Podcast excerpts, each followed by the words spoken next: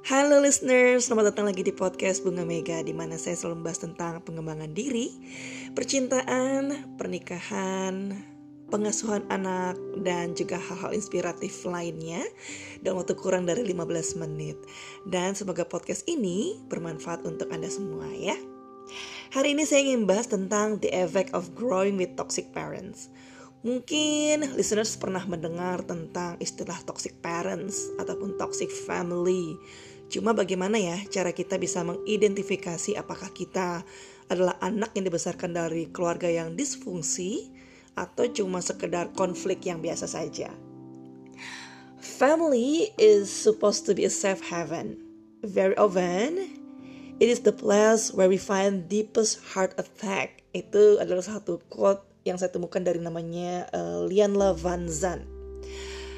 Basically tidak semua anak beruntung ya dilahirkan oleh orang tua yang mampu mengakomodir kebutuhan fisik dan psikis. Banyak juga anak-anak yang harus tumbuh besar dalam lingkungan keluarga yang jauh dari kata aman dan nyaman.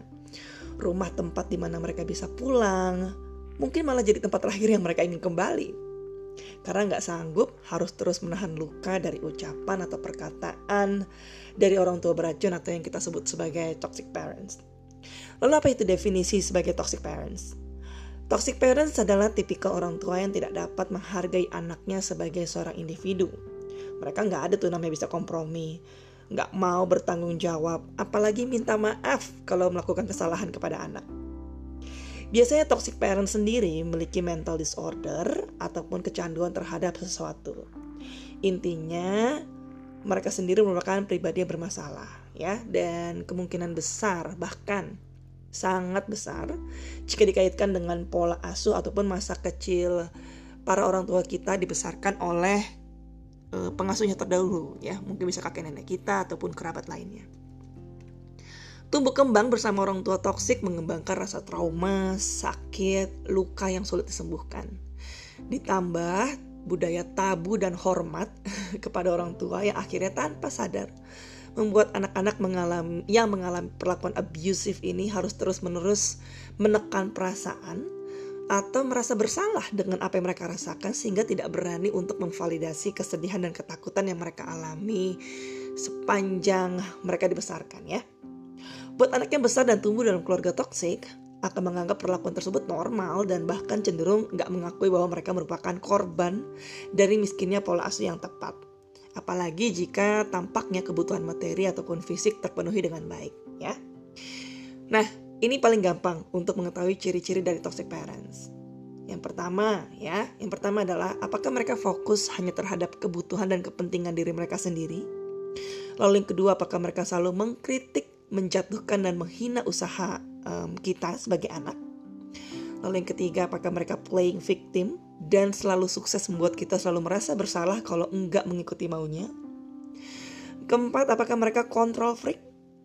Kelima, apakah mereka penuh kekerasan baik secara fisik, verbal, psikis, dan emosi? Yang keenam, apakah kerap mereka uh, memanipulasi dan selalu menyalahkan Anda dan nggak bertanggung jawab dengan perbuatan mereka? Contoh, Coba kamu nggak nakal, pasti mama papa nggak akan begini, ya. Yang ketujuh, apakah mereka over kompetitif terhadap Anda? Artinya mungkin ini seperti pesan yang disampaikan secara alam bawah sadar bahwa sebenarnya mereka nggak pengen lihat kalian uh, kalian happy gitu atau melebihi kesuksesan mereka. Ada loh seperti ini ya. Lalu yang kedelapan, apakah mereka tidak memiliki healthy physical or emotional boundaries? Misalnya selalu ikut campur tentang baju apa yang Anda pakai, pasangan yang Anda pilih, pekerjaan Anda, atau bagaimana cara Anda mengasuh anak Anda, memperlakukan pasangan Anda, itu semua diatur seolah-olah Anda layaknya anak masih kecil. Yang kesembilan, apakah mereka kerap membanding-bandingkan Anda dengan saudara Anda dan orang lain? Yang kesepuluh, apakah mereka mengacuhkan kebutuhan fisik ataupun psikis Anda? Karena buat mereka, you just the extension of themselves, not the unique individual. Lalu yang, sebelah, eh, yang ke-11, apakah mereka bertingkah sangat berbeda di rumah dan luar rumah? Kalau di luar rumah tuh kayaknya baik banget ya. Semua orang cenderung mengidolakan mereka. Kayaknya you're very lucky to have that parents yang lovable, seru, kayaknya asik. Tapi sementara di rumah kepribadiannya begitu berbeda, very abusive, highly self-critic ya ke anak-anaknya dan lain sebagainya. Yang ke-12, ke-12 apakah mereka minta Anda untuk merahasiakan hal-hal buruk yang mereka lakukan, misalnya mereka korupsi atau mereka berbohong sama pasangannya, jangan bilang mama ya, jangan bilang papa ya. Jika lebih dari lima poin yang tadi saya sebutkan Anda jawab iya, artinya Anda merupakan anak yang besar dalam pengasuhan toxic parents. Kan? Ini juga bisa kelihatan dari dampaknya ya dengan psikologis Anda sebagai anak.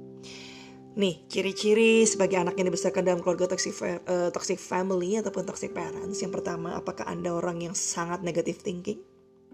Lalu yang kedua, apakah Anda pribadi yang sangat insecure? Ketiga, apakah Anda memiliki low self-esteem? Nggak bisa menghargai diri dengan baik dan merasa nggak layak dikasihi. Yang keempat, apakah emosi Anda mudah meledak-ledak dan gusar? Yang kelima, apakah rencana pertemuan Anda dengan orang tua selalu menjadi hal yang menakutkan hingga tanpa Anda sadari memberi efek seperti takut, mual, ingin muntah karena kayak udah gak tahan lagi gitu dengan statement-statementnya mereka, ucapan mereka, tatapan mereka dan sebagainya. Yang keenam, apakah Anda merasa Anda gak pernah cukup baik untuk orang tua Anda? Jika Anda menjawab lebih dari tiga, ya bisa dipastikan Anda menjalani kehidupan dari keluarga yang disfungsi. Apa saja efeknya terhadap anak yang tumbuh besar dalam uh, pengasuhan toxic parents? Dilansir dari sebuah website namanya Psych to Go, ada enam dampak yang di uh, yang dihadapi oleh para penyintas ataupun survivor ya. Yang pertama, kecenderungan memiliki anxiety disorder lebih tinggi. Lalu mungkin juga Anda mengalami namanya PTSD atau post traumatic stress disorder. Lalu juga Anda cenderung mengkritik diri sendiri dengan sangat berlebihan dan selalu merasa apa pun yang terjadi adalah salah Anda. You're the one who taking the responsibility. Lalu kemudian mungkin Anda memiliki kecenderungan masalah kesehatan fisik akibat stres, ya. Dan um, Anda mungkin saja menjadi orang yang people pleaser karena sulit berkata tidak. Karena batasan yang Anda buat nggak pernah dihormati oleh orang tua Anda, jadi Anda cenderung menjadi orang yang gak enakan. Lalu yang keenam, kemungkinan Anda akan memiliki isu uh, insecurity dengan kedekatan dalam hubungan Anda dengan orang lain. Anda bisa menjadi uh, memiliki bias attachment dan avoidant attachment, yaitu ketika Anda cenderung untuk mencari sosok lain untuk selalu merasa berharga jadi mudah nih Anda untuk jatuh ke dalam hubungan karena kebutuhan Anda merasa uh, mencari rasa nyaman, keamanan. Dan sementara untuk Anda juga yang misalnya mengalami ya sebagai survivor yang memiliki avoidant attachment, itu sangat sulit untuk memiliki kedekatan emosi dengan orang lain. Jadi semua hubungan dibangun mostly artificial. Ya.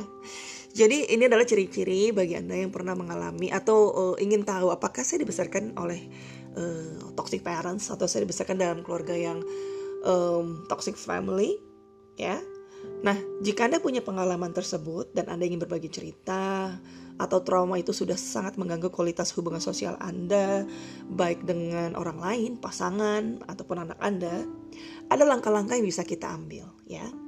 Yang pertama, sadari bahwa kita nggak pernah bisa mengubah orang tua kita. Dan menerima apa yang terjadi di masa kecil kita sebagai bagian dari kehidupan. You cannot change your past. Oke. Okay? Lalu yang kedua, take your time. Ambil waktu sendiri. Jika Anda ingin menangis karena kehilangan masa kecil yang seharusnya Anda alami dengan bahagia, penuh dengan pelukan, kasih sayang, tapi Anda tidak pernah bisa dapatkan, it's not available for you. It's okay ya, karena ini uh, bisa dibilang is a grieving moment, is a grieving life, uh, grieving stage.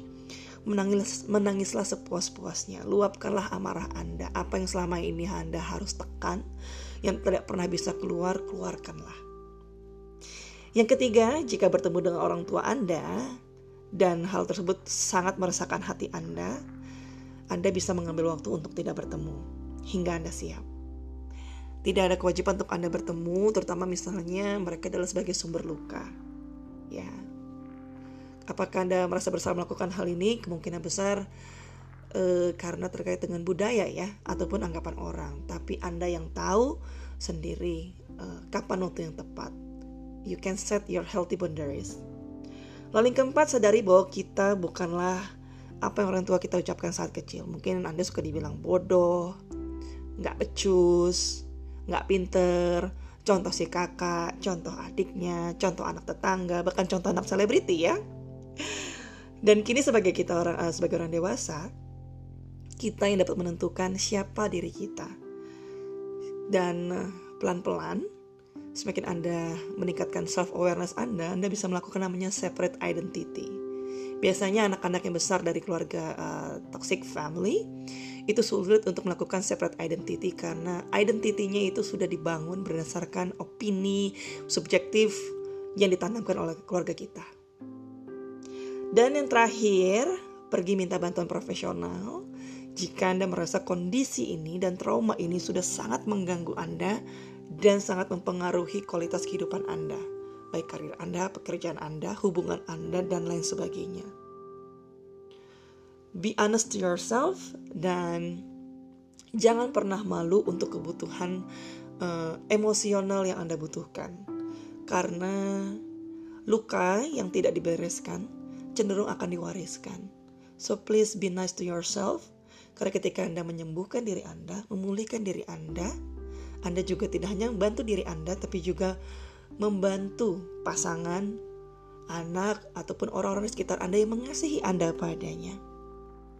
Ya, jadi jika Anda merasakan butuh butuh butuh uh, bantuan untuk bercerita baik secara privat, Anda bisa melakukan um, mengontak ya orang yang Anda percaya ataupun bantuan profesional seperti psikolog, uh, konselor ataupun you can visit my website then we can do uh, online counseling gitu.